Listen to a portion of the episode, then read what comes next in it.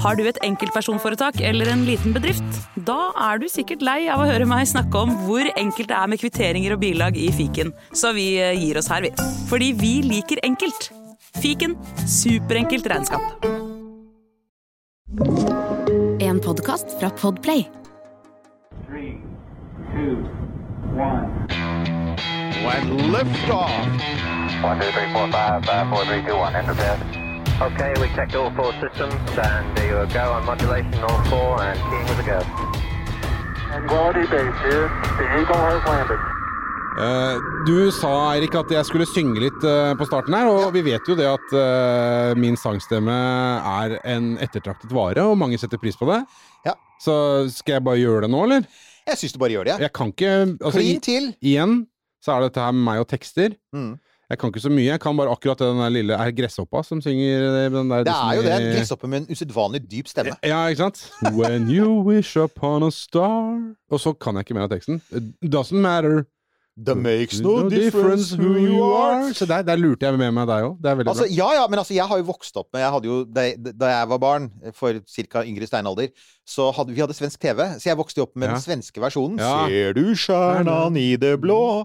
Og så lærte jo vi da av svenske venner Ta en sup, så ser du två. Og dermed så sluttet dette programmet å være barnevennlig. Ja. Men, men ja. Og grunnen er selvfølgelig at vi hadde den lille spørrekonkurransen vår, eller sånn der utlysningen på, på Facebook og Twitter. Dette her med at eh, folk skulle sende inn spørsmål. Det var det veldig mange som gjorde. Ja, og det er selvfølgelig fordi altså, Den veldig viktige grunn til det er selvfølgelig fordi vi da har har dagens gjest, Maria Maria Hammerstrøm. Hei på deg, Maria. Hei på deg. Så fint at du kunne komme i studio midt oppi alt sammen som skjer, uten at vi skal få gå for mye detalj i det. Men det er jo utrolig Alle veit det. Alle, Alle veit vet hva som skjer! Ja. Alle vet. Ja. Og vi er lei av det alle sammen. Ja. Men nettopp derfor skal vi da og Det var det som liksom var tanken. Det var at ok, vi hadde en uggen følelse at det ville gå mot en ny lockdown-jul, så hvorfor ikke forsøke å, å liksom våre lyttere, som har vært så utrolig flinke til å sende spørsmål og komme med kommentarer og rettelser og sånn, dere er så viktige for oss. Det har vi jo sagt mange ganger, og da sier vi det igjen. Nå skulle dere endelig få lov til å gjøre det som dere har gjort, holdt på med helt siden denne podkasten starta, som er å pushe spørsmålene i retning av astronomi. Som et, et fag som Eirik Fnys... Nei, nei da. Ja, jeg elsker astronomi, men jeg hadde liksom tenkt vi skal være fokusert på romfart. Men så tenkte jeg nei, vet du hva, nå slipper vi det løs. Og da er det jo ikke noe mer naturlig enn å ha uh, vår alles Astro-Maria, for det er du også. For, eh, Ja. altså, Sist du var hos oss, så snakket du om boka di, ikke sant? Ja. Den lille boka om det store uni- Var det, er det, det, var det sånn omtrent i den het? Den lille boka om universet. Ja, Ja. om universet. Ja, sånn var det. Ja. Det er lenge siden, det nå. Det er to år siden. Ja. Så var det jo før pandemien. Jo, men allikevel. Altså, er den fremdeles i salg? Det er den. Jeg Så- selger også hvis man vil ha signert, for eksempel. Da. Så hør på det, folkens. Hvis dere vil ha det, er muligens jeg, er mulig Når dette går, så er det mulig det er kanskje litt kort igjen til jul. Men da finnes det noe som heter romjulsgave og nyttårsgave og alt mulig. Ja, så ja, januar. Alle trenger januargave nå. Ja, ja, ja, ja. Ja, da er det trist ute, så da ja. Ikke sant? Et eller annet som ikke er Et eller annet som ikke er påvirka av uh, covid fuckings 19, uh, så er det i hvert fall universet. ja, det er litt deilig å bare glemme jorda, og så bare komme ut dit hvor eh, alt er vakkert. Det er noe av det fine. Det er, astronomien har så mange fine ting, og det er en av dem. er liksom den der sånn distansen til alt. Men det har jo skjedd mye siden du var hos oss sist også. Altså, du har jo blant annet så er du, du er, du er redaktør nå, er du ikke det? Jo, eller vi er to redaktører som har tatt over eh, blad som heter Astronomi. Som er sånn populærvitenskapelig blad om verdensrommet. Hvor får folk tak i det? For at jeg kan si med en gang, jeg abonnerer på det. Det er et innmari bra blad, og det er blitt uh, enda bedre etter at uh, du overtok. er Tusen takk for det. Det er ikke bare smisk. Er sånn, det bladet var litt tungt en periode, syns jeg. Hadde kjørt seg litt fast. Og er blitt lettere, ser bedre ut. Og, og er helt klart en oppfrisking. Og er enda morsommere å lese enn det pleide å være. Så, så hvor får folk tak i det? Eh, Det får de på Narvesen. Er utsalgsstedet. Det er vel ikke alle Narvesen som har den, tror jeg. Litt mer de større stedene, togstasjoner, litt sånn. Så her er det igjen, når dette Og her på noen biblioteker, sånn som Deichman Bjørvika, eller universitetsbiblioteker. og sånn sett. Eller man kan abonnere da hvis man bor utafor Ja. Ring 3. Ja, det kan man også. Ja. Og så er jo saken da at hvis du da er i nærheten av Narvesen som har det, så er det sånn hvis du da trenger en sånn siste lille julegaven til liksom sånn romkapsellytteren i ditt liv, så er det altså mulig å svippe innom og kjøpe astronomi. Og det er sånn fin liten ekstragave. Så det er Og så vil jeg gjette på at inni bladet så er det mulighet til å finne ut hvordan man også tegner et abonnement, så da kan det være en liten sånn ekstragave hvis man tenker at det ble litt fattig med ett blad. Ja, da er det bare å abonnere. Se her. Jeg vet ting om blader, for jeg husker nemlig det. Fysiske blader. Men det er bare sånn en liten digresjon her fra sidelinja, jeg som sitter borti her, hei hei. Eh, det, et fysisk blad, ja. Hvordan er liksom tilstanden for fysiske magasiner for tida? Det er jo litt artig at det er noe du har begynt med nå, liksom. Ja, altså Bladbransjen generelt eh, har jeg kjent går nedover, fordi faren min pleide å jobbe i Vi Menn, og det Og gjorde han det? Ja, ja. Å, herregud, det var, det, det var flashback. Det var, jeg husker, det leste man jo. Ukas hagle. Ja. Ja, ja, man leste det for hagleartikler. Ja, ja, Eller andre verdenskrig. Ja, ja. Nei da, så jeg har skjønt at det, går veldig nedover. Mm. Eh, Nå er jo Astronomibladet en litt sånn annen nisje, da. Så Det er nisje. nisje Ja, ikke sant? Det er det som funker. Det har jo gått mye nedover der også, men akkurat nå så går det litt oppover igjen. Så vi satser på at uh, universet er i fremmarsj. Vel fortjent. Ja, I utvidelse, mener du? Ja, det er det jo også. Ja. Ja. Mm.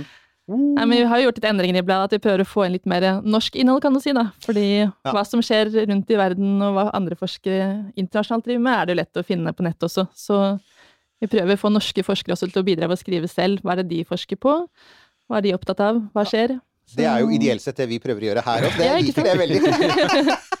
Det er jo det. Nei, men det er jo, det er For det skjer mye spennende astronomi i Norge òg. Det er nettopp det det gjør. Eh, og, og, det er, og, og som vi jo kommer til å oppdage i 2022, det skjer jo også utrolig mye kult i selve rom, eh, romforskningsfeltet. For jeg antar at det er et overlapp der også hos dere, ikke sant? Altså, altså når det begynner å sprette opp ting da fra, fra Andøya, satellitter, så kommer det helt sikkert noe stoff om hva de satellittene skal se på.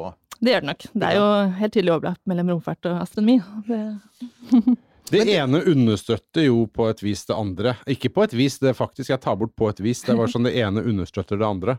ja, vi trenger jo romfartøy for å finne ut mer om hva som Ja. skjer der ute. Hører du, Eirik? Ja, det er sant! det er sant. og, så, og så må vi da nevne elefanten i rommet. Hun, du har jo også vært eh, prominent i en eh, st- st- stor, stor podkast som eh, den derre De folka med seks milliarder i budsjett har produsert. Men ingen nevnt? jo da. Hva er den heter for noe? Podkasten Burde vært pensum burde vært pensum. fra NRK. Ikke sant? Og det er, er, du fast der, eller har du vært sånn uh... Nei, altså det de gjorde, var at de sendte meg en e-post og Ja. spurte om jeg hadde lyst til å skrive to episoder som passet under fanen burde vært pensum. Ja. Det var opp til meg å velge hva jeg syns burde vært pensum. Og så gjorde de det samme med folk fra andre fagområder også, da. Okay. Hva syns du burde vært pensum? Altså, hva var, hva De ble var litt overraska over når de fikk en lang artikkel om personlig økonomi fra Astro Maria. Nei, de har en annen økonom heldigvis som tar seg av uh, de spørsmålene. Men uh, den første episoden som er ute nå, handler om uh, hva, som, hva vi skal gjøre når jorda går under. Altså, rett og slett, hvor skal vi reise? Hvilke alternativer har vi? Ok, folket. Men også Nå syns jeg det er viktig at det handler om det her med å liksom, ha en backup av det på jorda. Det handler ikke bare om hva som vi skal gjøre når alt har gått til helvete, men hva vi må gjøre før det går til helvete. Så vi er litt Ja, For å kanskje unngå at det går til helvete, eller? Det går Eller til helvete. bare- Unnskyld at jeg sier det, men det går til helvete. Altså, jo, jo, Ja. det er bare et spørsmål om når. Altså, f- f- altså heller siden enn før, da, hvis man skal si det sånn. Dette Altså, er for nå- øvrig den muntre sånn La oss muntre oss opp under covid-episoden. Altså, nå satser vi på en måte alt på jorda. Det er det her alle menneskene er. Det her Ja. er alle tingene våre er. All historikken vår, all kunsten vår. Alt det her. Skjer noe med jorda, så er alt borte, da. Det syns jeg er trist. Så folkens, der har det altså. Eh, Bortsett fra den ene lille det. gullplata som er langt, Ja, ja, ja, langt, ja, langt av gårde. ja. Og noen gamle TV-ekkoer med Hitler som står og taler til noen masser. Og så. Det er alt det gode er liksom Det er jo noe med at det er mulig det eneste minnet igjen av vår sivilisasjon er noe en gjeng med hasjrøykende amerikanske akademikere på 70-tallet i slengbukser og med langt hår kokte sammen og sendte med Voyager. Det har skjedd ting siden, kan vi også kanskje få ut det. ja, vi, yeah. kanskje vi bør gjøre det. Ja. Men, men Maria, vi får komme oss til spørsmålet. Ja, og, ja. og Nils Johan, som Ja. vanlig, det er din oppgave å, å, Jeg leser presentere. spørsmål, det er der jeg føler jeg kan bidra inn i dette. Oh, ja, men du er med på alt andre òg. Ja da, eh, men, men eh, det er jo mest nytte, da. La oss si det sånn. Ja. At jeg kan lese. For det, eh, igjen da, så har dette her med rommet og antall studiepoeng osv. Uh, men ok. Eh, veldig kort og konsist start her nå, eh, så dette regner jeg med på et veldig kort og enkelt og greit svar på. Som det så gjerne er i universet. Ja, ikke sant? Ja, ikke sant? Enkelt og greit. Jonas spør Har universet en best før-dato? Ja. Uh, vet jeg ikke akkurat hva han legger i det, men jeg regner med at han tenker hvor lenge det er ålreit å være i universet. ikke sant? Best før Før det begynner å liksom? sure den helt, liksom. Ja. Ja. Eh, utgangspunktet ville det være veldig lokalt. Altså hvordan det er her i solsystemet, for eksempel. Mm. Eh, akkurat nå er det veldig fint her, men når sola begynner å slutte, så vil det ikke være noe fint å være her lenger. Nei, for da er det sånn at eh, da vil hele Melkeveien på en måte være dritt. Eh, Nei, ikke nødvendigvis. Nå snakker vi bare om solsystemet. Ja. Så når sola dør, så vil jo ikke kunne bo her lenger. Men universet som helhet klarer seg jo gjennom den krisen. Ja, ja, altså For universet som helhet så er vår lille av, avkrok bare en blups, og så det, kan det Ja. være fint et annet sted. Ja. Men Så det, solsystemet er jo på den kort best før dato, kan man jo si da. men, ja. Fortsatt milliarder av år, da. Men, uh... men universet var jo spørsmålet her. ja. Så hvis vi ser på universet som helhet, så skjer det jo ting der etter hvert også. For vi vet jo at universet utvider seg, det blir stadig større, utvider seg fortere og fortere, og da er spørsmålet hva skjer med det? Og da har man jo litt forskjellige scenarioer ut fra hvordan den utviklingen går, da. Kanskje sakker universet ned og begynner å trekke seg inn igjen, i sånn kollapsrenn, som en sånn motsatt big bang. Eh, det er vel ikke så mange som tror på det, tror jeg, nettopp Mm. fordi Nei. universet utvider seg fortere og fortere. Ja. Eh, hvis det begynner å utvide seg veldig veldig mye fortere, og fortere, så kan det bare bli revet helt i stykker og fra hverandre. Big rip. Ja, the big rip. Eh, Men det som kanskje er mest sannsynlig, er det man kaller for en kosmisk varmedød. Eh, Hvor ting fortsetter å bevege seg som sakte, men sikkert fra hverandre, og galakser forsvinner fra hverandre. Og en stund vil de fortsatt være med galaksegruppen vår, men etter hvert blir de også revet fra hverandre, eller flyttet lenger vekk fra hverandre, så ser vi ikke noen galakse lenger. Eh, Så har vi vår galakse, da. Og etter hvert vil jo stjernene slukke, og det vil ikke være nok gass som er klumpet sammen til å lage nye stjerner, så det begynner å bli mørkt. Så etter hvert sitter vi bare igjen med sorte hull, da. Som etter hvert da kan også begynne som fordampe gjennom det vi kaller Hawking-stråling. Eh, Og så kommer man til et punkt hvor du bare Alt har blitt sånn jevn, kald temperatur, og det skjer ingenting mer. Alt er bare mørkt og kjedelig. Fins ikke liv, fins ikke stjerner, ingenting. Og så fortsetter det sånn for alltid. God jul! Ja! ja, det var det jeg også skulle til å si. at Ja, folkens, da har vi fått omikron, og alle må være hjemme og gå med munnbind igjen. Og vi prøver å livle litt opp her med eh, framtidsutsikter som er ganske kjipe. Men eh, Ja, de er helt mørke. ja, det er helt mørke. Men her er det, her er det jo det, det scenarioet som, som du så livlig tegner opp her nå, som vi selvfølgelig alle gleder oss veldig til. Som vi Eh, ikke får oppleve. Nettopp. For at det, det, er, det det, er et perspek tidsperspektiv på dette her Ja. som er ganske voldsomt. Det er så mange år at vi har jo ikke noe ord for å si hvor mange år det er. på en måte. Det er vel sånn trillioner, trillioner, milliarder år fremover i tid. Det, det, det, Så det er jo nesten inn i uendeligheten, på en måte. Ja. Og så får jeg får jo litt vondt i huet av, og det gjør jeg alltid, og det kanskje begynner å bli litt sånn slitt utsagn fra meg, men, men når du sier, og, og en ting som, som jeg heldigvis ikke går og tenker over hver dag, er det det der at universet utvider seg stadig. Mm. Universet er uendelig, men det utvider seg stadig. uh, og det går fortere og fortere. Uh, da f- Nei. Det, det stopper så innmari for meg på akkurat det der. Men du kan si at hvis du tenker på ting som skal Som oss, da.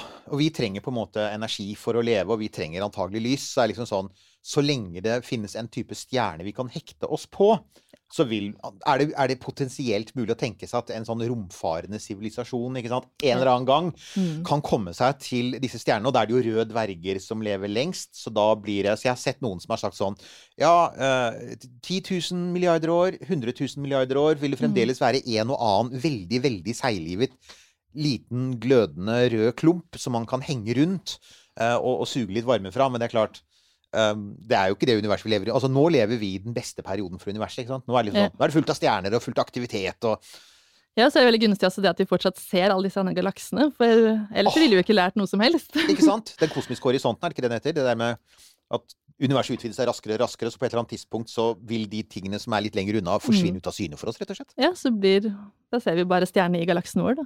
Ja, for da vil det bare Ja, ikke sant, og så vil det bare være et mylder. Det vil ikke være noe ansamling, det vil ikke være noe liksom noe, noe Altså, eh, i mangel på et bedre ord, system. Ja, det blir lenger frem i tid, men her snakker vi om at galaksen vår på en måte vil oppleves som å være den eneste i universet. Ja, sånn. Ja, Og, nettopp. sånn, ja. og alt andre vil være der ute, men det er rett og slett for langt ute. Det, Ja. det, det, blir ikke mulig for oss å se det lenger. Ja. For hvis Så- du, og hvis du ikke allerede føler deg aleine, så bare Så- vent til da. Så igjen, Ja. det, poenget er vel egentlig nyt den stunden vi er inne i nå. For at Ja. dette er liksom Dette er optimalt. Dette er som en sånn god, varm sommerdag. Karpe diem, folkens! Carpe diem! Karpe diem. Yes! Mm. Ok, Neste, neste spørsmål. Neste spørsmål. Uh, og her, er, her har eh, Eirik altså gjort en kjempejobb. og kommer litt sånn eh, kuratering og redaktøring her. For at det er mange som spør om sånn omtrent samme ting, Ja. formulerer seg litt annerledes. Charlotte Kulterud stiller følgende spørsmål. Synes det er spennende med en stjernes død. Eh, Ja, ja, apropos det Ja, vi nettopp snakket om. Det er bare død i universet. Ja, men vet du hva som er fint? Det, det bare viser at lytterne våre er på bølgelengde. Det er helt greit. Ja. Er det sannsynlig at vi vil observere en supernova i vår levetid? Det er, nå skal jeg ta de spørsmålene i, liksom i samme Ja. gruppe her. Og så er det Espen Eriksen som spør. Det sies at i løpet av fem år vil det oppstå en supernova som vil se ut som en rosa stjerne for oss på jorden. Ville vært veldig interessant å høre, interessant å høre litt mer om dette. Ja, så Der måtte jo jeg da gå en liten runde med Espen for å si liksom hvilken stjerne var det du tenkte på, for det er ganske mange stjerner der ute. og det hadde, vi kom fram til at det det, det handler om, er en, en, en stjerne med katalognavn, eller rettere sagt to stjerner, som heter KIC 983227. Og hvis dere nå tror jeg oppga bankkontonummeret mitt, så gjorde jeg ikke det. Det ligger ca. 2000 lysår unna i stjernebildet Svanen. Og her kommer en greie til deg, Maria, og det er rett og slett på engelsk er dette, kalles dette for contact binary. Og jeg spør deg, Maria, for at du har en jobb til, du. Har du ikke det? For du sitter Hva er det Språkrådets Eh, Jeg har et prosjekt sammen med Språkrådet med, som heter Fagterminologi i astronomi. Eh, Jeg sitter da sammen med tre astronomiprofessorer og diskuterer norske faguttrykk for disse engelske astronomiske ordene, da, som Og det er, jeg må si det er så bra, for at jeg har jo jobbet med dette nå i 30 år. Jeg har blant annet skrevet mye bøker og vært oversetter. Dette har vært et kjempeproblem, for det har ikke eksistert noen standard. Det er masse uttrykk som ikke det har eksistert noen standard for. Og, så da har det vært sånn at liksom hver forfatter og hvert forlag egentlig har lagd sine. Så at Språkrådet er på ballen, og at dere jobber med dem, er jo helt supert. Men da er greia Har dere kommet til contact binary? For jeg tenkte kontaktbinær, eller Altså det er en dobbeltstjerne som er så Mm. nær eh, Det er to stjerner som går rundt hverandre, men de er altså så tett på hverandre at de bokstavelig talt er i kontakt, ikke sant? Ja. Altså de berører hverandre og, og Fysisk? Fysisk, ja, ja. Oh, ja, okay. Så de deler atmosfære, Ja, og de utveksler Men det, det, vi har ennå ikke fått noe norsk ord. Nei, altså vi har jo sett på noen forskjellige typer dobbeltstjerner, altså Mm. visuell dobbeltstjerne og Ja, jeg husker ikke den andre farta, men eh, eh, her på direkten her, så er Jeg håper det er noen som skriver referat da, fra disse Neste, så, så, ta, så ta Her er Eiriks ja, forslag. du sitter med regneark, og så har vi liksom liste med disse her ordene skal vi gå gjennom i dag. Ja. Um, Det går jo treigt, for vi skal jo også se på definisjonen av ordene, ikke bare oversettelsen, men Ikke sant? hvordan kan vi oppsummere det her i en setning? Ja, dette er kjempebra. Men skal vi ta tilbake til spørsmålene her, da? Om denne super. Så ja, supernova? Så, så ja, poenget er Jeg sjekket dette her, og, og det er helt riktig. Dette er en sånn, sånn kontaktbinær. Det høres egentlig mer ut som en sånn kjønnsdefinisjon. Ja, vi vi sier altså- ikke binær, tror jeg egentlig på norsk. Nei, altså kontakt- dobbeltstjerne. Men ja. Er, og, og, og de går tett på hverandre. De utveksler masse. eh, Og, og, det han, og til sjuende og sist så vil de smelte sammen. Og så kan man jo observere faktisk hvor raskt de beveger seg rundt hverandre ved å se på spektrallinjene. Og så kan man se og så En stund så det ut til at de var i ferd med å nærme seg hverandre og var i ferd med å smelte sammen. Og, og, og når han da var ganske konkret på dette her i løpet av fem år, så var det eh, faktisk var det, det er for noen år siden at man trodde det. For det årstallet som opprinnelig ble oppgitt, var 2022. Som andre ord allerede i, i løpet av noen måneder så ville vi da kanskje kunne se ikke en supernova, men en litt svakere variant som heter en nova. Og det er en kraftig oppblussing en, en, en eksplosjon eh, som da ville oppstå når disse to stjernene smeltet sammen. Eh, Det er en egen type nova som kalles for Luminous Red Nova, eller LRN. Jeg skal ikke få dere til å lage et norsk ord for det, for det er så sjelden. Den har et rødlig skjær, som navnet antyder. Så, så Espen har helt rett. Det vil i så fall se ut som en rosa stjerne. Men dessverre, Espen, nummer én, det blir ikke en supernova, for det er mye kraftigere. Tusen ganger kraftigere. Og, og, og nummer to, sånn som det ser ut nå, så ser det ut som disse to stjernene ikke lenger beveger seg mot hverandre. De kommer nok til å gjøre det, og, og smelte sammen, og da får man en nova. Men det ser ikke ut til at det skjer med det første. Men så er jo saken Det ligger 2000 lysår unna, så, så antagelig har det skjedd allerede. For de er veldig nær hverandre. Men det lyset er nå på vei mot oss. Men når det treffer oss, det veit vi jo ikke. Så, så det har antagelig skjedd i vår tid, men så er det da med at lyset trenger litt tid. Så. Men så var Men da, var det, da er vi på den der eh, med tre som faller i skogen, og hvis ingen er der og hører Ikke sant. videre. Men, ja. men For- supernova i vår levetid, da? Ja, for en supernova er da Det fins igjen flere typer supernovaer, men én vanlig type er når en gammel stjerne eksploderer, eh, og store deler av stjernen blir blåst utover og blir til en sånn stor sky, en stjernetåke. Og den, de midterste delene av stjernen kan presses sammen til en nøytronstjerne eller et svart hull. Fantastisk eh, eksplosjon. Eh, og, og det Charlotte vel egentlig snakker om, for hun sier 'får vi se det i vår levetid', eh, det hun mener er i vår galakse. For astronomer ser det jo hele tiden i andre galakser. Og det er, altså, Supernovaer er så kraftige at de kan lyse like sterkt som en hel galakse. Så, så man observerer hele tiden supernovaer lenger ute i universet. Men i vår galakse, der begynner det å bli en del år siden. For den siste, det var i 1604. Eh, og før det så var det en i 1572. Og i de siste 1000 åra har vi hatt ca. fem supernovaer som vi veit om i Melkeveien. Og noen av dem var veldig synlige, og de er altså så synlige som fullmånen. Det er noe helt annet enn denne, denne lille KIC-saken som, som eh, jeg snakket om nå nettopp. Den vil lyse like sterkt som Polaris, altså Polstjernen. Og det, det vil, den, vil, den, vil, lyse, men det er ikke veldig sterkt. Men dette er som fullmånen på himmelen. Det er synlig på dagen. Mm. Så, så, sjansen for at det skal skje, er da cirka, sånn statistisk sett ca. én hvert 200 år i snitt. Basert på de siste 1000 årene. Så det kan skje når som helst. Charlotte. Og du sa at den siste var i 16. 1604, så vi er egentlig overdue. Så, ja, så, så, og, og, og, så er jo da spørsmålet er det, Ser vi noen altså for det man lurer på er, Fins det noen kandidater for supernovaer? Og det gjør det jo. Vi har noen sånne røde kjempestjerner der ute som er veldig gamle. altså Det er som når du ser et veldig gammelt menneske, og du tenker hm. Skal det ikke gå snart? sånn, med rullator og kommer seg vidt over før lyset blir rødt. Eh, det er eh, særlig det er én stjerne som er kjent som er der, som er virkelig er i rullator, og det er Betelgøs i Orion. Som er en fantastisk stor rød superkjempe. Man veit at den kommer til å smelle, man veit det blir spektakulært, men igjen, eh, vi aner ikke nøyaktig når det skjer. Vi er fremdeles ikke helt der at vi kan forutse på liksom sånn dagen Nei, vi har ikke noe early warning system. Det er ikke, nei, ikke sant? Det jobbes jo med det. For man ser jo etter sånn precursor-tegn til hva det er som skjer i stjerner før de kollapser. Ja, det var jo noen som trodde at det kanskje skulle skje med Betelgeuse nå, fordi den endret plutselig til lysstyrken. Det stemmer, det, nemlig. Og det fikk vi jo spørsmål om det stemmer, det. Mm. Uh, det var det dessverre Nå er det bare noe støv eller et eller annet. Ja, ja. så, så, så Betelgeuse er i den fasen. Men igjen, Betelgeuse ligger også veldig langt unna oss. Jeg tror det er 1000 lysår. Uh, så det kan hende at det har skjedd allerede. Skyte inn et lite tilleggsspørsmål her. Mm. Uh, for Charlotte, som lurer på om vi da får se en supernova i vår levetid, som vi sier ja, kanskje, Jeg svarer på det. Ja. Men mitt oppfølgingsspørsmål er vil vi det? Altså, jeg ser for meg at, at, Ja, men altså, jeg tenker at eh, det, det, da, da, kommer det ting. Altså, da kommer det strål... Blir, jeg ser for meg sånn solstormeffekter av det. At er vi egentlig så gira på det? Jeg syns jeg leste en gang om at man hadde sett på de stjernene i nærheten som kan eksplodere som supernovaer, og at alle de er på en måte langt nok unna til at ja, det er trygt. Okay, det er ikke noe farlig. Så det er bare show. Ja. Det jeg, har hørt, jeg, har hørt, akkurat det samme. Og i et, et, case in point, en av de nærmeste er Betelgøs, Betelgeuse, som, som, helt klart kommer til å bli en sånn en.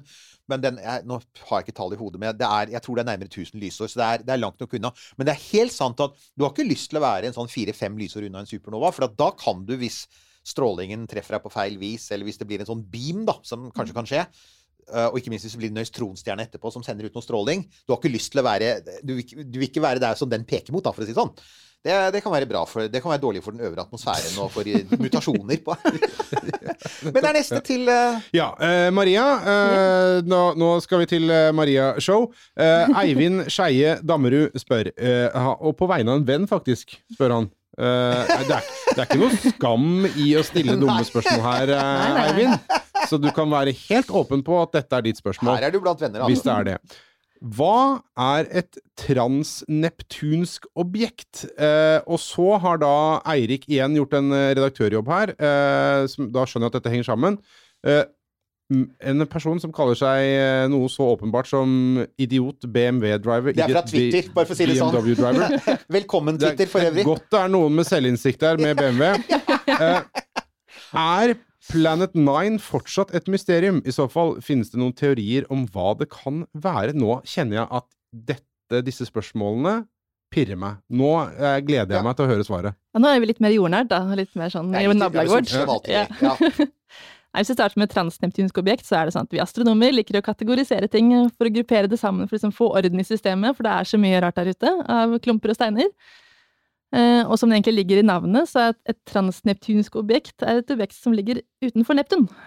Ok. Så altså har banen sin utenfor Neptun. Ja. Så for eksempel Pluto, selv om den faktisk krysser banen til Neptun, kalles også et transneptunsk objekt. Så det er egentlig bare en måte å snakke om alle de som ligger der ute. Ja, ok. ja. Så det er ganske enkelt og greit. Det var enkelt svar. Ja. Og der vil jo også planet 9 være. Ja, der ok. ute. Mm. For det er mitt eneste forhold til Ja. Planet 9, det er jo, eh, det er jo nesten også Plan 9 from Outer Space, og den der Ed Wood-filmen. Uh... Ja, men lurer litt, Maria, jeg vet ikke om Ja. du får det, men vi, jeg, har fått, jeg tror vi også har fått litt spørsmål om Planet 9. Har det gått? Altså, for at jeg har alltid tenkt at den niende planeten er jo Pluto, men den er jo da ikke lenger definert som planet. Og så er det da Tidligere så snak, pleide jeg å snakke om planet X, at det er en Ja. stor planet der ute. Men det, det er Men kanskje det var når Pluto fortsatt var planet, for X blir jo ti. For Ikke den som man Eh, Ja! Yes, Nå! No. Jeg vet ikke, det er bare en Nei, teori jeg kom så, på nå. for, for, for jeg blir litt sånn forvirra. Det er derfor jeg sier altså Planet 9 Jeg har sett jeg har fått litt Det er ikke det, det, er ikke det første gang jeg har fått spørsmål om akkurat det. Um, men uh, men åssen var det? det var, er gåten løst? Eh, nei, det er den ikke. Vi har ikke funnet den ennå. Men eh, det har skjedd litt fremgang, på en måte. eh, fordi det er jo folk som sitter og regner på det her, og grunnen til at man tror at det er noe der, er jo fordi det er noe med hvordan disse objektene er ute beveger på seg, som virker som at de blir forstyrret av et eller annet stort noe. Eh, så man har jo gjort observasjoner der ute og regnet på det her. Og siste tallene nå, som jeg tror kom tidligere i år, er at nå tror de at det er en planet som har seks ganger jordas masse. Så det er en stor planet. Wow! Det Eh, det. men den er langt ute. Den er ti ganger lenger ute enn Neptun. Så den er kjempelangt der Det ute. er altså. virkelig Altså- transneptunsk. Ja, sånn 300 lys, nei, lysår, sier jeg. Astronomiske enheter uh, ut der. Så det er kjempelangt ute. Så det er på en måte estimatet de har. Og nå har de på en måte klart å spikre seg veldig inn på hvor de tror den skal være. Men så er det så vanskelig å oppdage den, for der ute er det så mye uh, skrot. Og fordi den også beveger seg så sakte, fordi den går så langt ute der, så er det veldig vanskelig å oppdage den. Så man har ikke funnet det ennå, men man tror man vet hvor man skal se, og så er det å fortsette å se. Ja, ja, Ja. for, at da, det, for å da kunne klare å finne denne, så er det da å ta dette stedet som man tror man skal se, Mm. eh, og bare sitte og stirre der. Det blir jo på en måte det, da. Ja. Ja. Så da skjønner jeg at det tar tid, men Og så må du ha bra nok teleskoper, for det er jo så langt der ute, og det er nesten umulig. spennende! Jeg tror det er uh, alien uh, tech med sånn cloaking device uh, technology. Ja, ja, ja. dette er jo Her er det mulig å, å bygge seg egne teorier fundert på absolutt ingenting vill fantasi. Men det var jo en ting vi oppdaget her forleden år med denne herre Oumuamua er et godt eksempel. Pluss selvfølgelig også New Horizons, altså. Pluto, Pluto-ferden, som siden fløy til Arokot, er det vel heter, Ultima Thule. Som at man oppdaget at det er liksom mye mer som skjer der ute enn man trodde. Altså, det, det viser seg at det var mye mer aktivitet der, og det var mange flere ting på liksom selve legemene som tyder på at her Altså at det har, ja, det, dette området har vært For man liksom tenkt det som et sånt veldig stille, nedfrosset område. Og nok en gang så er vi blitt overrasket og sett Oi, shit, det skjer ganske mye der ute òg. Så det kan jeg si er at det er ingen tvil om at det gjemmer seg mye rart der ute utenfor Pluto. Og det kan godt hende som sier at det er en stor planet. Det er bare, som dere hørte, dere hørte Maria, det er enda ikke helt bekreftet. Nei, man har ikke stirret lenge nok. Og så, ikke glem, da. Altså, det, er et, det er et veldig stort område som skal gjennomsøkes, og, og det er veldig, veldig, veldig, veldig lysvakt. Og selv om jorda er full av teleskoper, så de har masse andre ting de skal se på. Så det er liksom ikke sånn at det står et sånn dedikert kjempeteleskop som ikke gjør noe annet enn å lete etter denne. Det er, ofte sånn, det er vel ofte sånn at det er kortere prosjekter og sånn søkekampanjer. Altså kan det være at det er et teleskop som faktisk har tatt bilde av den, men at de som tok det bildet, ikke lette etter det. De tok bildet for å se etter noe annet. Og da, er det igjen, ikke sant? Og da, da ser den jo bare ut som en svak lysprikk, så da liksom vite at den svake lysprikken er planet 9, da må du gjerne ha litt sånn verifiserende data. litt sånn, så. Ja, For det har de oppdaget før med dvergplanetene, at etter at de oppdaget de forskjellige dvergplanetene at oi, de hadde jo egentlig bilde av for lenge siden. Ja, vi- Men ja. ingen så etter det. Nei, nettopp. Det er det man må vite hva man skal leite etter. Eh, ja, og det har kommet tilbake til dette her som vi snakka om tidligere, dette prosjektet med å analysere bilder tatt av månen. Ikke Ja. sant? Eh, og- og dette her å, bare få i gang et eh, prosjekt som bare skanner gjennom eh, alle bilder man har tatt eh, med visse parametere for å leite, har vi allerede eh, tatt bilde av det. Eh, bare vi visste ikke om det. historiske foto kan, kan bli ekstremt viktig der, eh, og er det jo allerede i astrofysikken. Og bare se at Vi har vært litt dårlig vertskap her, for vi har jo da gjort det som som vi gjorde i vår aller første sending, og som vi selvfølgelig gjør nå òg. Vi har selvfølgelig marsipan. Ja. Jeg var selvfølgelig på jakt etter berlinerkranser, som vi spiser for å minnes eh, alle disse rakettpionerene i Berlin tidlig på 30-tallet, før de ble nazister, blant, blant annet Werner von Braun. Den gangen de bare var Var unge entusiaster Ja. med en drøm og masse raketter de skjøt opp i bebygd område. Ikke- Med en drøm og sitt eh, eneste konfirmasjonsslips fulle av smuler etter berlinerkranser der de satt og niåt mens de designet uh, framtidens framkomstmiddel. Så det er bare å forsyne seg, eh, Maria. Og så har vi da, fordi, for å være litt sunne fordi at Nils Johan og jeg er menn av en viss alder, så har jeg også da Men også for å markere Parker Solar Probe. Yeah. Altså, du, jeg så på din Twitter her forleden dag. Uh, Maria er aktiv på Twitter, så følg henne gjerne der. Uh, og du, du den har, gjort, den har gjort staselige ting. Vi har jo vært litt innom den før, men det er den der som har satt verdensrekord i fart. Og hva har den nettopp gjort, da? Nei, så Den kommer jo nærmere og nærmere sola. Den går jo som bane rundt og rundt hvor den hele tiden kommer litt nærmere. Og nå har den for første gang flydd gjennom atmosfæren til sola. Touch the sun, jo- Ja, sier NASA. touch the sun, som NASA sier, når den er ni millioner kilometer unna. eller? Men det er jo kult, da. Altså, Ja, det er første gang vi er i ja, koronaen, som den heter. Atmosfæren til sola. Åh, der kom den inn, ja. ja, ja, ja, det stemmer. Uff, ouch. Det var ikke meningen, folkens. Det var ikke meningen å komme tilbake. Og vi markerer da dette med disse her vakre eh, Jeg fant faktisk noen usedvanlig fine Ja, tenk å si korona med sånn smil rundt munnen, da. Hæ? Nei, er det Det blir så feil. Ja, men nei da. Det var riktig i denne sammenhengen. Men Parker Solar Probe, vi må komme tilbake til den, for den er kul! Eh, og den, den, Og den er skal jo enda nærmere. Den skal enda nærmere, og den er jo helt awesome som tåler dette, for det er jo ekstreme temperaturer, kjempehøy fart Men den er jo på selvmordsoppdrag, den da. Ja, det kommer jo ikke til å ende bra med den, Nei. men det har vi jo allerede konstatert at ingenting ender bra. Nei, det er sant, det. er Sant. Men så skal den jo også se på sola veldig kort om gangen for å beskytte utstyret, så nå må Ja. jo hele tiden passe på Og så, au, temperaturen. nå ble jeg blenda. Ja. Sveisemaske, folkens. Sveisemaske. Ja. Og husk, eh, selv om det kommer litt sånne dystre drypp, så er det god julestemning. eh, For eh, vi er jo der nå. Det er er jo nå. jul, folkens. Vi er det. Ja, skal, kanskje jeg skal legge på litt sånn lystig julemusikk i bakgrunnen akkurat nå? For å, Det kan du gjøre. Ta en sånn litt sånn Ja, ambient ja. julemusikk. Ja. Jeg, jeg merker meg det. Julemusikk starter nå. Ja. der kommer det. Uh, ok, uh, Kjapt spørsmål her fra Magnar Edland. Er det noe nytt om fosfinet som ble funnet på Venus, prompegassen? Ja, uh, det er innmari bra at Magnar spør om det, for dette er jo noe vi har snakket om. Vi hadde jo en egen episode om det. Episode eh, 35. Det er lenge siden, det. Det Oi. begynner å bli lenge siden. Ja. September 2020. Men altså, det er lenge siden. Men samtidig så var det noe kjent det året også. Men uansett. Eh, ja, folk har jo så, dette er jo vitenskap. Det kom et forskningsresultat. Hva skjer da? Man publiserer det. Så går andre forskere og ser på det og sier dette må vi teste. Det har de gjort, og da er det forskere, eh, blant annet en gruppe ved University of Washington og NASA og JPL. Dette er, da vet vi det er flinke folk. De, det de har gjort, er at de har tatt samme, de samme radioteleskopdataene som disse britiske forskerne hadde brukt til å finne fosfin. Analyserte igjen og brukte en litt annen modell av Venus' atmosfære for å liksom forstå dataene.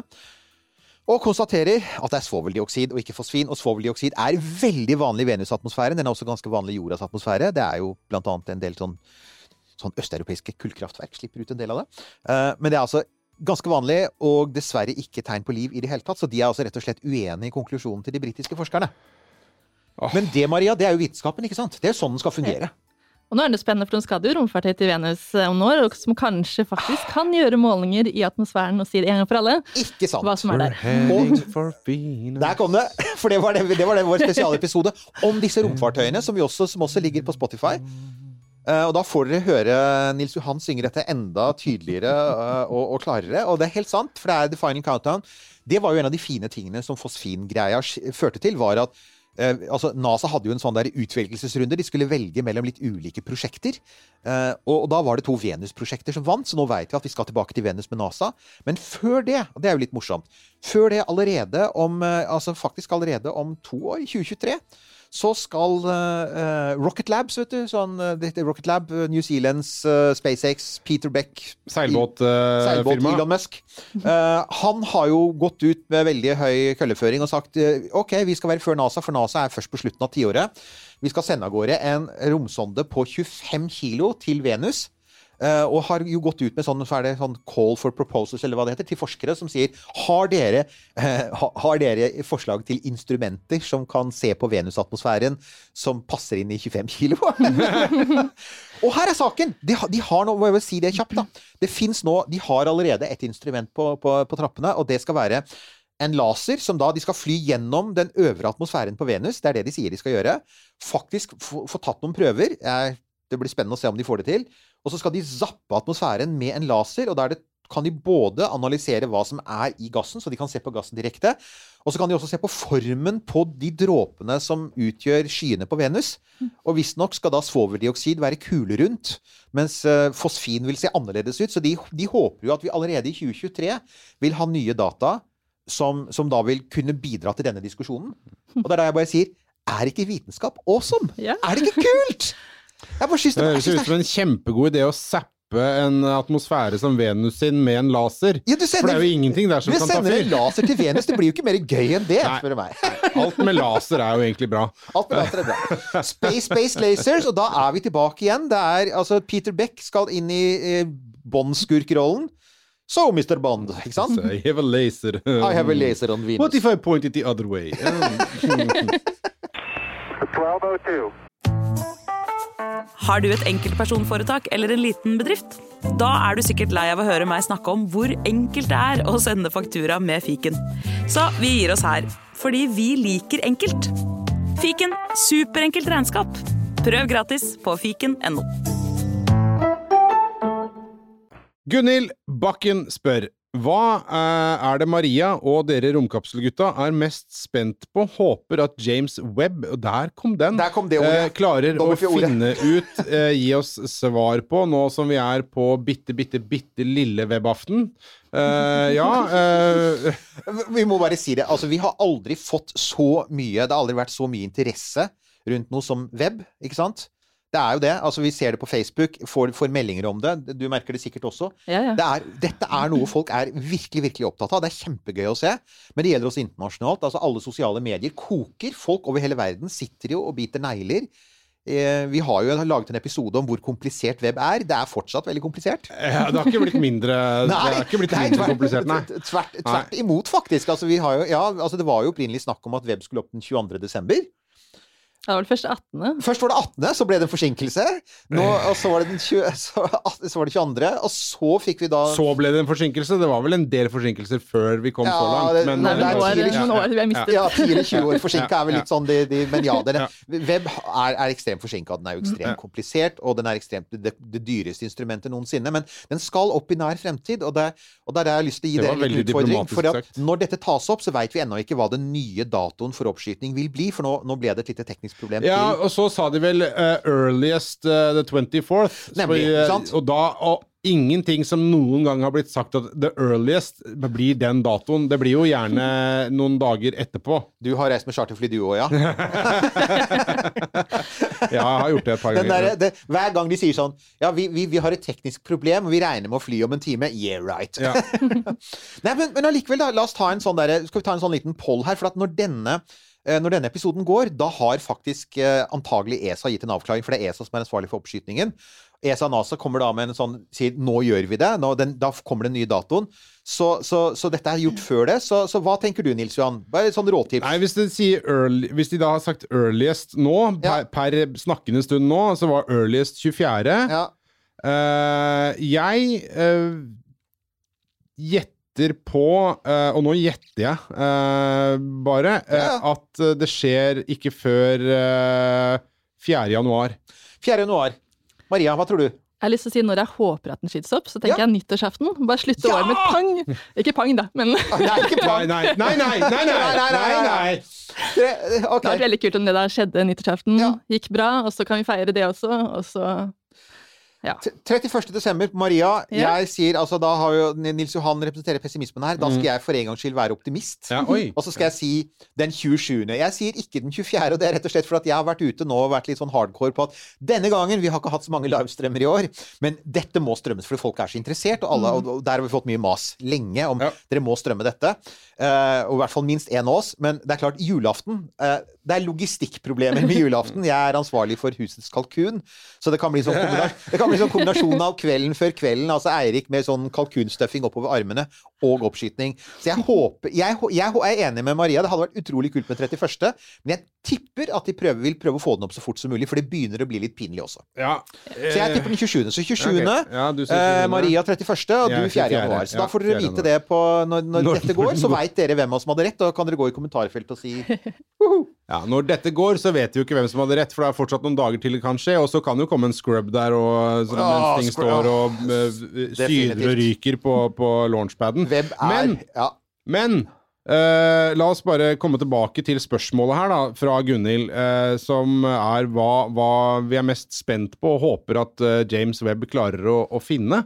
Eh, Maria, du skal få lov til å starte. Ja, nå er det jo flere ting James Webb skal som blir nytt og spennende. Eh, Det jeg gleder meg mest til, er eh, det som skjer med galakser. For James Webb skal jo se lenger enn noen gang før. Altså rett og slett se deler av universet vi ikke har sett før. Fra universet var veldig ungt, de første galaksene og stjernene og sorte hull.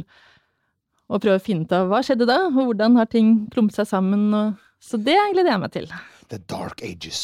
Ja, ikke sant. Ja, men det er ikke, det er ikke tull, altså. Det er jo det de kaller det, og det er jo så kult. For det er som du sier, det der mørklagte perioden som Ja, nei, altså jeg tenker eh, Jeg må si, eh, for meg så er det også det der med, med eksoplaneter. Ja. Fordi web er altså det, når, det, når folk er opptatt av det, det er også fagfolk. fordi som mange påpeker, web er jo faktisk et universalteleskop. Mange av disse teleskopene er bygd for å gjøre én ting. De er bygd for å se på et bestemt område av spekteret eller på en bestemt type objekter.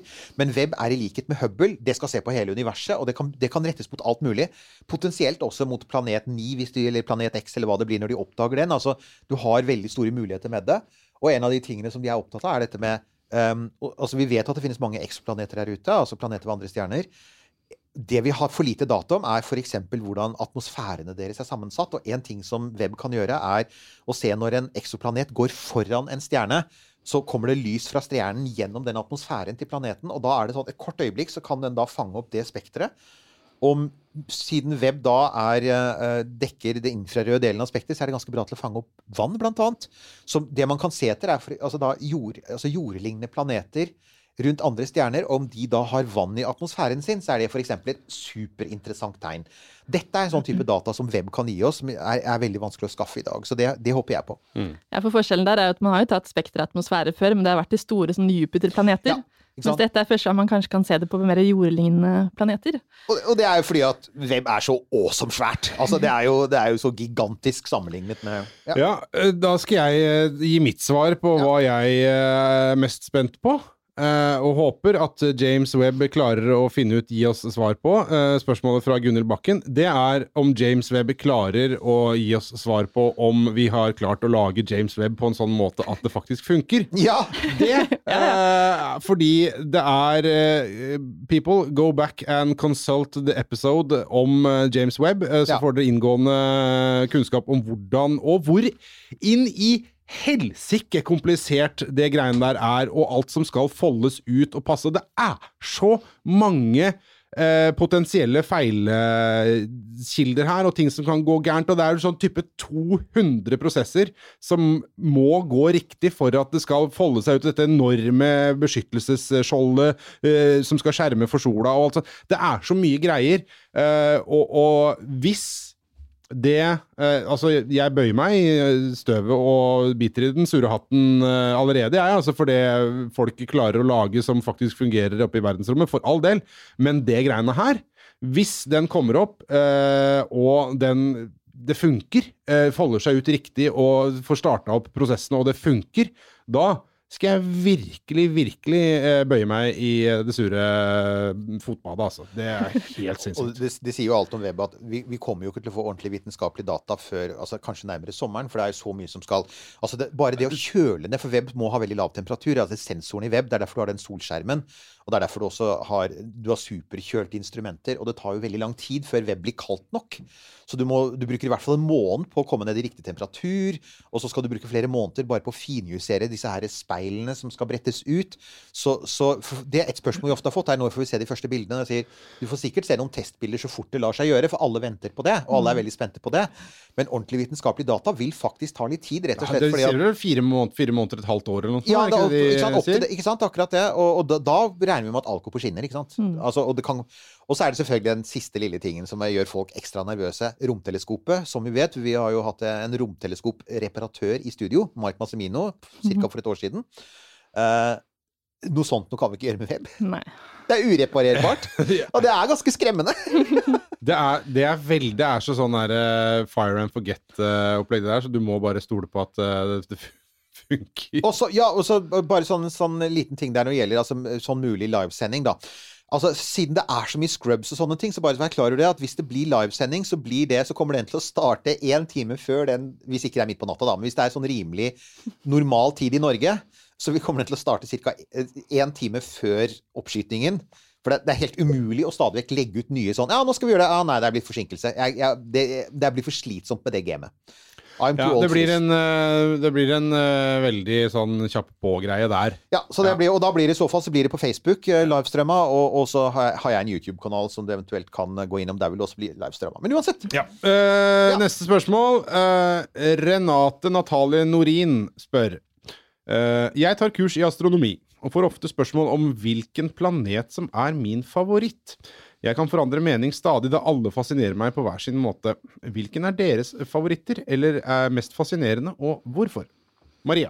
Jeg tenker egentlig Eirik kan starte, som kanskje har alles favorittplanet. Tok jeg din favoritt òg? Nei? Nei, for at jeg, jeg må Det er si, folk tror, Kanskje med tanke på hvor vi har vært uh, i sånn uh, Muskland og sånn, da. Sånn over det gjort også. Jeg tror vi, nei, vi har gjort det allerede. Både Werner og Egon har vært nevnt. jeg tror det er nevnt. Uh, jo, uh, Saturn. Ja. Jeg elsker Saturn. Altså Både fordi den er så pen pga. ringene, Ja, ja. men også fordi at den har den fantastiske samlingen av måner. Titan med denne svære, tette atmosfæren som vi skal til med uh, Dragonfly, som vi har hatt en episode om. Den der superkule kjernekraftdrevne dronen som skal hoppe rundt der. Igjen, er ikke vitenskap awesome? Enceladus, som kan være en sånn ismåne med hav under, som Europa. Det er kanskje, Noen mener at det kanskje er enda mer sannsynlig at det er liv der. Japetus, en måne som er svart på den ene siden og hvit på den andre. Kjempespennende. Og Mima, som ser ut som The Death Star fra Star Wars. det med det kjempekrateret. Saturn er bare helt Så det er min. Min favoritt. Maria. For meg så er det Jupiter. Åh, Er ikke fet Fordi de, er det stormen der, det er et kunstverk, altså. Det, Du, de bildene som tas nå av eh, Åh, hva heter den igjen? Uh, Juno? Er det? Den, eh, Ja. De bildene som kommer derfra nå, er så fantastiske. det er helt fantastisk. Ja. Og spesielt også hvis man finner en sånn animasjon som viser hvordan disse stormene beveger på seg, så er det helt eh, hypnotisk omtrent, altså. For øvrig, at den er så stor også, blir så, alt blir så dramatisk, på en måte. Og for øvrig må jeg si, altså, Renate er jo en av våre mest trofaste lyttere og kommentatorer, så takk for spørsmålet, Renate. Veldig hyggelig. Ja, jeg, Ja. jeg, bare, jeg bare skyter inn, og det er litt sånn uh, kjipt valg, egentlig, men eh, Ja, du, du altså hallo, du også, ja. Jeg har lyst til å være med, jeg òg. Hei, hei, jeg sitter her borte med mine Ja, ti studiepoeng, jeg. Uten, uten studiepoeng. Ja, kom igjen, da. ja, uh... Siden du alltid bringer det på banen. Det er ikke jeg som bringer det på banen. Du klager ikke så fælt på de studiepoengene du ikke har. Ja, ja, ja. Nei. Jeg tror jeg har ti ja, ja, ja. Eh, nei, det Altså, jeg liker også veldig godt Saturn på grunn av ringen, rett og slett. Bare he, rent estetisk eh, kvalitet, ikke noe annet. Eh, og så er jeg glad i Venus fordi det er så fælt. Ja. Fordi Venus er så grusom. Det er, det er en grunn til at vi har unngått den planeten veldig lenge. Vi skal tilbake ja, ja. dit nå, men jeg skjønner jo hvorfor. Ja, men den er så den er, Det er ingenting sympatisk med den planeten, og det er litt sånn gøy. Altså, Da russerne landet med eh, sine Venera der på, på 70-80-tallet, så tok de bilder ikke sant, og sendte tilbake. Og så ble noen spurt da, altså, hvordan, er det, hvordan er været på Venus, eller hvordan er lyset på Venus. Og da var det en sånn sovjetisk romforsker som sa ja, det er, det er, som, det er som en Moskva en vinterettermiddag. Og jeg har faktisk vært i Moskva om vinteren, og det er så deprimerende. For det er sånn blylokk over. Og det varer i måneder, bortsett fra at det gjør jo ikke det på Venus, for det varer i år etter år etter år. etter. Det bare, det er evig. Så det er sånn, du er, du er som fanget i Mos det, er, det er som Moskva i 400 grader celsius med syreregn til evig tid. Ja, og Ja. i tillegg at du har en eh, åtte sånne svære stridsvogner oppå deg, da. Ja, så har du åtte svære må T34 på deg. Ja, Ja, ja. Så der er vi. Så ja, der er vi. Men eh, igjen, god jul da, dere. Det er fine tider, vet du. Og vi koser oss med god mat og familie. Eh, I kohorten. Eh, ok. Eh, du, vi må ta med et siste spørsmål her. Eh, det, da skal vi sånn kjapt tilbake til, til web her. Mhm. eh, Fordi det er Sven Magnus Løken. Vi- tar med det, det er nepotisme, en kompis.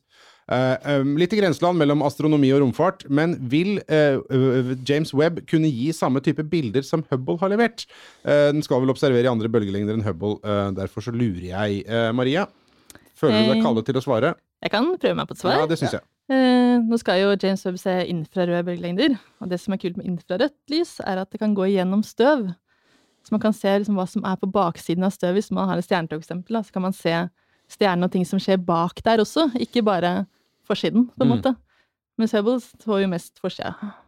Ja, og så det vi husker altså, sånn umiddelbart når du tenker eh, Hubble og bildene fra Hubble var jo liksom, spektakulære bilder. Flotte fargespill ikke sant, i, eh, i sånne nebulas osv. Det, det, det, var veldig, det var fint å se på, da. Får vi det samme samme type flotte bilder? Altså, de kan være vel så, og kanskje enda mer eh, vitenskapelig interessante, men, men blir de like fine å se på? Ja, Det kan det jo være, men med infrarødt så må man jo på en måte kunstig fargelegge det litt. Det må da. man jo. Ja. Men, jeg, men jeg tenker at når det gjelder Hubble-bilder også altså, Mm. en, av de, en av de tingene som, som folk oppdager den gangen de beveger seg, hvis, hvis de begynner å bli interessert i å se på stjernehimmelen med et teleskop, da, det er f.eks. at Orion-tåken, som er praktfull på alle fotografier, og ikke minst på Hubble-bilder, den er jo ikke det når du ser den på det blotte øyet, for det øyet har en annen respons på lys. Så Orion-tåken er faktisk sånn grågrønn. Og den er, mye svakere. Så uansett hvordan du vrir og vender på det, astrofotografier vil alltid være litt fake, i den forstand at du gjerne har lang eksponeringstid, og du har mye sterkere farger enn det du ser med blotte øyet. Så jeg tenker at jeg tipper at de kommer til å lære av Hubble-bilder, og at NASA kommer til å slippe bilder som ikke er rødfarga, for det gir ingen mening uansett, for det er jo ikke lys vi kan se. Altså fjerne infrarødt er jo ikke noe øyet kan oppfatte, så du kan, du kan bruke de fargene du vil. Så jeg, jeg både håper og tror at vi kommer til å se noen sånne, der, få noen sånne veggplakat, ikke sant? sånn plakatbilder som du har masse av på, fra Hubble. Som, altså, som jeg også har hatt på, på veggen. Så det blir litt sånn dinosaurhud, på en måte. At man er at det best guess her, at Men, sånn vil det kanskje være? Ja, men der er vi litt uansett, for at det er veldig mye bildeforsterkning som en del av den vitenskapelige prosessen i astronomien. Og, og, og, og nesten alle astrofotografier er langtidseksponerte i forhold til hva du ser med øyet. da. Så, så det, er ikke, det er jo ikke fake, for er jo, alt, er jo, alt er jo above board, og alle er veldig tydelige på at det er det de gjør. Så, så, så ja, eh, jeg tror, tror vi kommer til å se veldig flotte bilder, ja. Absolutt. Vi gleder oss uh, uansett å krysse fingrene og holde pusten og alt det der, der for at uh, Og hvis du tror på høyere makter, be til dem for at uh, oh, ja. web kommer opp og folder seg ut og funker. funker. Send, send, send en bønn til absolutt alle gudene der ute, for da er det sånn du liksom sånn Du krysser av på alle på sånn. Men du, vi har en sånn en, en siste lille ting her, og det Ja. er rett og slett um, Vi har en sånn 1202 som må tas tak i, fordi at vi hadde i episode 102 Altså Vi er jo da også podkasten som forsøker å rette på feilene våre. Og det er vi alltid veldig glad for. Og her er det da vår lytter Finn Østebø. Han påpekte at jeg, og det er derfor jeg skal ta det Det skal du for så vidt slippe, eh, Nils Johan. Jeg kom i skade for å si Det er web igjen, skjønner du. Jeg kom Ja. i skade for å si at web skal plasseres i Lagrange-punkt nummer to. Det er riktig. Men så sa jeg i rett linje bak sola og månen. Spot one mistake. og det er ikke første gang jeg har gjort det. Jeg har faktisk gjort det på Facebook også. Så her har vi en sånn liten SCE to AUX, eh, for å si det sånn. Eh, så rett Å, oppår, eh, den knappen! den knappen. Den fikk jeg så lyst på! Ja, ja, ja. Og det er fantastisk. Oi, oi, oi! Ja. Så vi får ta en SF, vi har en 1202, men vi får ta en SCE to Aux for å holde oss til uh, nomenklaturen vår og redde den situasjonen. Det er altså sola og jorda som står på linje. Det er ikke månen. Månen, sist jeg sjekket, går fremdeles rundt jorda. så, Ja, så, så men ja. du hadde jo riktig på et tidspunkt. Men ellers er det sant at den skal da veldig langt ut. Bare for det, det har vi snakket om før, men ja, det er jo noe av det som gjør det spennende. Og det er viktig at web ligger langt unna jorda og sola. eh, det er det. Men det gjør det også vanskelig å reparere den. Den skal halvannen kilometer bak jorda igjen. Halvannen kilometer. Halvannen million kilometer, takk! Du, Finn, ikke, ikke, ikke, ikke, ikke kom Nei, igjen! ikke da, dette. altså, det er ca. halvannen. Og så skal den vel eh, Og den, skal jo ikke, den ligger jo ikke i ett punkt, den går i bane rundt dette, L- en såkalt halobane.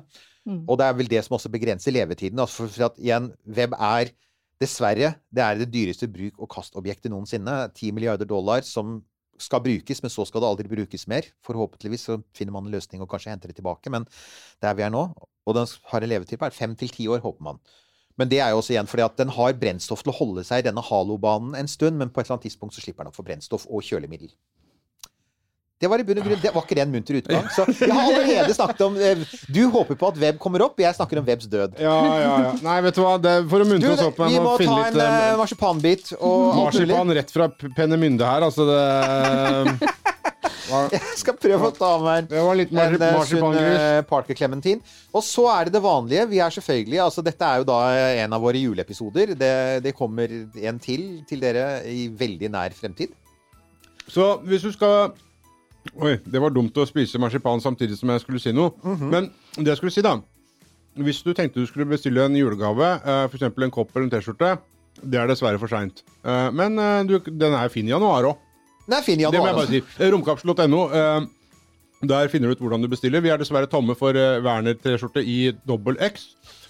Eh, Men So eh, surprising. Men there is a demand, så vi kommer til å trykke opp flere. Ja. Eh, det kommer. Eh, ellers, uh, Facebook, uh, det vet jo alle som har sendt inn spørsmål, og det hender vi legger ut noe greier på Instagram også. Da får vi bare si riktig god jul, Maria. Tusen takk for besøket. God jul, og prøve å live opp stemninga litt. Ikke være så, sånne store eksistensielle universspørsmål Ah, rundt juletreet. sånn. When you wish upon a star Jeg burde Og du, bare et sånn før dere går ut, den aller siste lille muntre tingen. For jeg, altså, det er jo Timmy Gresshoppe som sitter og synger dette, ikke sant? Han sitter øh, på, på, på Disney-filmen, og for, for mange år siden så fant vi ut at uh, at Det er fra filmen Pinocchio. Uh, og som god forelder så tenkte jeg at ja, men da får vi, da får vi lese boka, da. Som filmen er basert på, for boka er jo så mye bedre. Pinocchio. Ja, Pinocchio er jo da en klassisk italiensk barnebok fra 1800-tallet. Eh, og vi begynner å lese, og jeg får en litt sånn uggen følelse, for den er ganske mørk i tonefallet, men det er nå Pinocchio. Og det er lille gresshoppen som snakker med Pinocchio, gir han gode råd om livet og hvordan han skal være et godt og moralsk menneske, hvilket fører til at Pinocchio blir så lei av å høre på gresshoppen at han ganske tidlig i boken kaster en hammer og splatter gresshoppen. Og det, det er sant! Timmy Gresshoppen blir, blir drept i boken! Og jeg bare sånn eh, Skal vi lese videre? Og jeg har bare en sønn som har sånn store, runde øyne. Nei! Nei! Timmy Gresshoppe er død! Så Ja. var så, når, så det, det vi egentlig bare sier, er kos dere med Disney-versjonen. For det, det er for en gangs skyld vil jeg si at Disney har gjort et riktig grep. For en gangs skyld så er det riktig å ignorere den opprinnelige boka og bare dure på. La Timmy leve. Nei, men god jul, da! Ja, God jul.